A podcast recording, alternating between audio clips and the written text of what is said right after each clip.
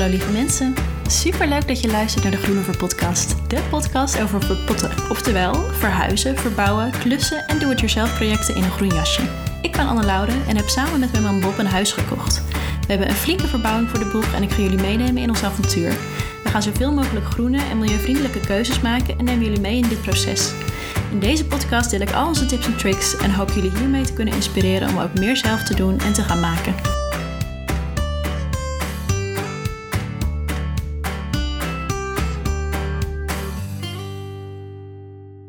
Hallo lieve mensen, super leuk dat je weer luistert naar deze nieuwe aflevering. Vandaag gaan we het hebben over isoleren. En ehm, ja, er valt natuurlijk heel veel over te vertellen, maar specifiek over isoleren met vlas. Want wij wilden heel graag isoleren, of vooral ik eigenlijk, Bob uh, was er iets neutraler in. Maar ik wilde heel graag isoleren met een uh, natuurlijk uh, product. En daar heb je verschillende opties in, maar wij hebben uiteindelijk gekozen voor isoleren met vlas. Isoflas is het merk. Um, ja, daar kreeg ik best wel veel vragen over op Insta en veel reacties onder de post die ik daarover plaatste.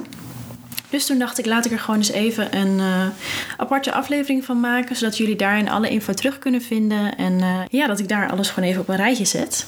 Dus bij deze. Ja, waarom wilde ik graag een natuurlijk isolatiemateriaal? Nou, laat ik ook eerst nog heel even een kleine side note toevoegen dat ik natuurlijk absoluut geen expert ben. Ik heb gewoon gegoogeld, allerlei informatie opgezocht. Um, isolatiematerialen vergeleken. Je hebt heel veel uh, natuurlijke opties of duurzame opties. Ja, dus ik heb gewoon heel veel vergeleken, opgezocht en uh, uiteindelijk kwam Vlas uh, eruit als de winnaar voor ons. Wat het vooral was, is dat de standaard isolatie, dan hebben we het over glaswol en steenwol, dat zijn minerale isolatiematerialen. En van wat ik erover kan vinden, is dat het niet heel erg schadelijk is voor het milieu, omdat het ook uh, recyclebaar is, dat het vaak gemaakt wordt van gerecycled materiaal, dat het voor grotendeels bestaat uit steen en glas.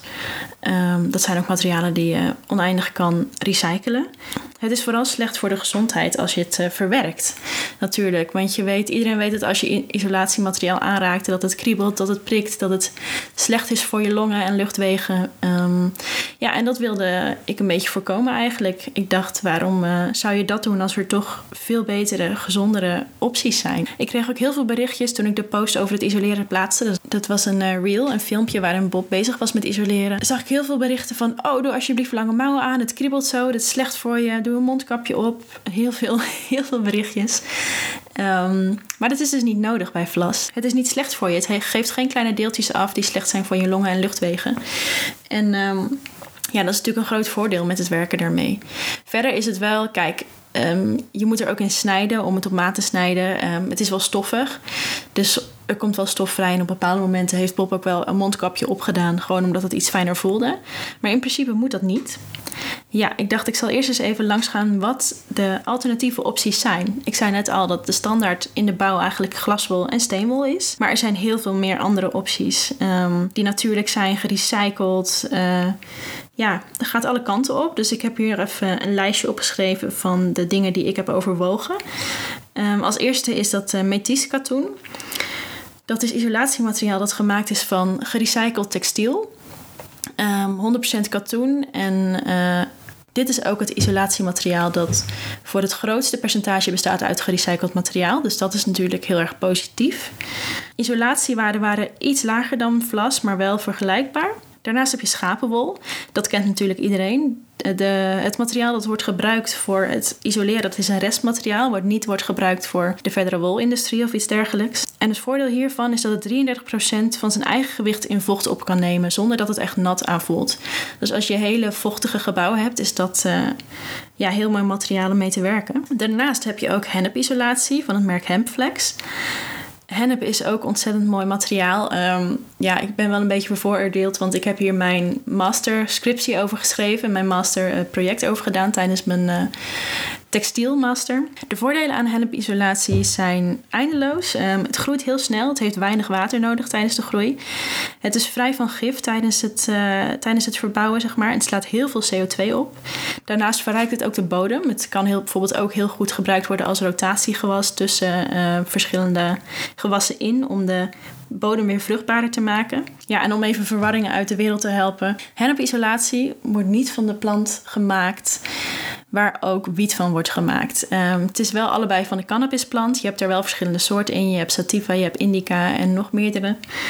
Ehm, maar de hennepisolatie wordt gemaakt van vezelhennep. En het THC-gehalte daarin is veel te, laag om high te worden. Dus ja, daar uh, hoef je je niet druk om te maken als je je huis isoleert met hennep. Ehm, ja, nu zit ik te denken misschien dat ik over vezelhennep wel eens gewoon een, een, losse, een losse aflevering maak. Want ja, ik weet er ontzettend veel over. En het is een heel interessant eh, product met een bijzondere geschiedenis. Um, ja, daar ga ik nu verder niet over uitweiden, maar ik ga daar nog wel even een losse podcast over maken. Nou, even terug naar isolatiemateriaal. Um, we hebben dus methietkatoen, schapenwol, hennepisolatie.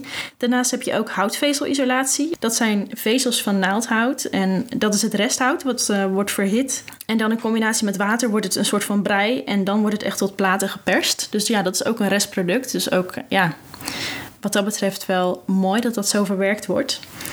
Daarnaast heb je ook nog kurkisolatie. Ja, kurk, dat weet je, ja, ik weet niet of veel mensen dat weten, maar dat is um, de schil van de kurkboom die daarvoor wordt gebruikt. Dus het is niet dat je ervoor de complete kurkboom om moet hakken. De schil wordt er als het ware van afgepeld. Er staan heel veel filmpjes van online, dat is echt wel leuk om eens te zien. Ja, dus die schil wordt daarvan afgepeld en die groeit weer opnieuw aan. En zo'n boom kan zo'n 200 jaar... Uh, leven en groeien. En in die tijd kan je zo'n 15 keer oogsten. Dus um, ja, vind ik ook altijd wel een heel mooi product. En daarnaast hebben we dan natuurlijk vlas. En daar hebben wij voor gekozen. Ja, dus laat ik eens even verder ingaan op het vlas. Als eerste misschien gewoon even praktisch. Wat wij hebben gebruikt, hebben we besteld via de website ecologisch.nl. Daar heb je heel veel verschillende natuurlijke bouw, uh, bouwmaterialen, ook isolatiematerialen. Bijna alles wat ik net opnoemde is daar ook verkrijgbaar. Dus ja, gewoon via die website. En wat wij hebben gebruikt is 12 centimeter in de buitengevel. De RD-waarde daarvan, dus de isolatiewaarde, is 3,16. En in het dak, in het plafond, uh, hebben wij 16 centimeter gebruikt. En de RD-waarde daarvan is 4,21. Um, dus dat is even praktisch. En ik moet zeggen, ik heb natuurlijk alle um, opties die ik daarnet noemde, heb ik onderzocht en bekeken. En um, uiteindelijk ging mijn keuze tussen hennep en vlas eigenlijk. Eigenlijk wilde ik het liefst hennep, hennep doen, omdat ik daar ook mijn scriptie over heb gedaan. En dat is zo'n mooi product. Ik heb er eindeloos veel over onderzocht en geschreven. En nou ja, goed. Maar um, de reden dat ik toch voor vlas ben gegaan, is dat de RD-waarde, dus de isolatiewaarde, is iets hoger dan van hennep. De prijs is wat lager. En um, Vlas heeft de brandklasse C. Je hebt een soort van Europese brandklasse voor isolatiemateriaal. En Vlas heeft dus brandklasse C. En Hennep heeft brandklasse E. Dus dat is wel degelijk uh, wat lager. Ter vergelijking, steenwol en glaswol hebben brandklasse A. Um, op zich ook wel logisch, want ja, dat wordt grotendeels gemaakt van steen en van glas. Nou, dat is niet echt brandbaar natuurlijk. Uh, vezels, natuurlijke vezels zijn dat, zijn dat wel, die zijn brandbaarder. Maar um, ja, dus dat, uh, die RD-waarde, de prijs en de brandklasse uh, lieten ons toch kiezen voor vlas. Ja, en daarnaast zijn er nog eindeloos veel meer voordelen aan isovlas. Als eerste, um, het is heel fijn om mee te werken, wat ik net al zei. Je hebt in principe geen mondkapjes of handschoenen nodig. Bob heeft dat gewoon in zijn korte mouw gedaan. En um, ja, het is geweldig. Je hebt geen kriebel, helemaal niks. Het is alleen, het wordt wel gewoon wat stoffig. Je moet er wel doorsnijden. Het is ook, um, het is wat stugger dan glaswol of steenwol. Het is uh, iets minder zacht. Maar je hebt er dus een speciaal mes voor wat je erbij kan bestellen. Dat hebben wij ook gedaan uh, op die website waar we ook het isolatiemateriaal hebben besteld. En daarmee kan je het gewoon goed doorsnijden. Um, ja, dus fijn om mee te werken als eerste. En daarnaast alle voordelen. Nou, ik heb ze hier prachtig op een rijtje staan. Als eerste is het vlas dat verwerkt wordt in isovlas is een restproduct. Vlas, zoals jullie misschien wel weten, um, is de grondstof van het, textiel linnen. En um, voor linnen worden de lange vezels van het vlas gebruikt. En de korte restvezels die over zijn, die worden gebruikt voor het isolatiemateriaal. Dus ja, als eerste een restproduct, dus dat is natuurlijk super. Het is volledig natuurlijk. Er zitten geen schadelijke stofdeeltjes in.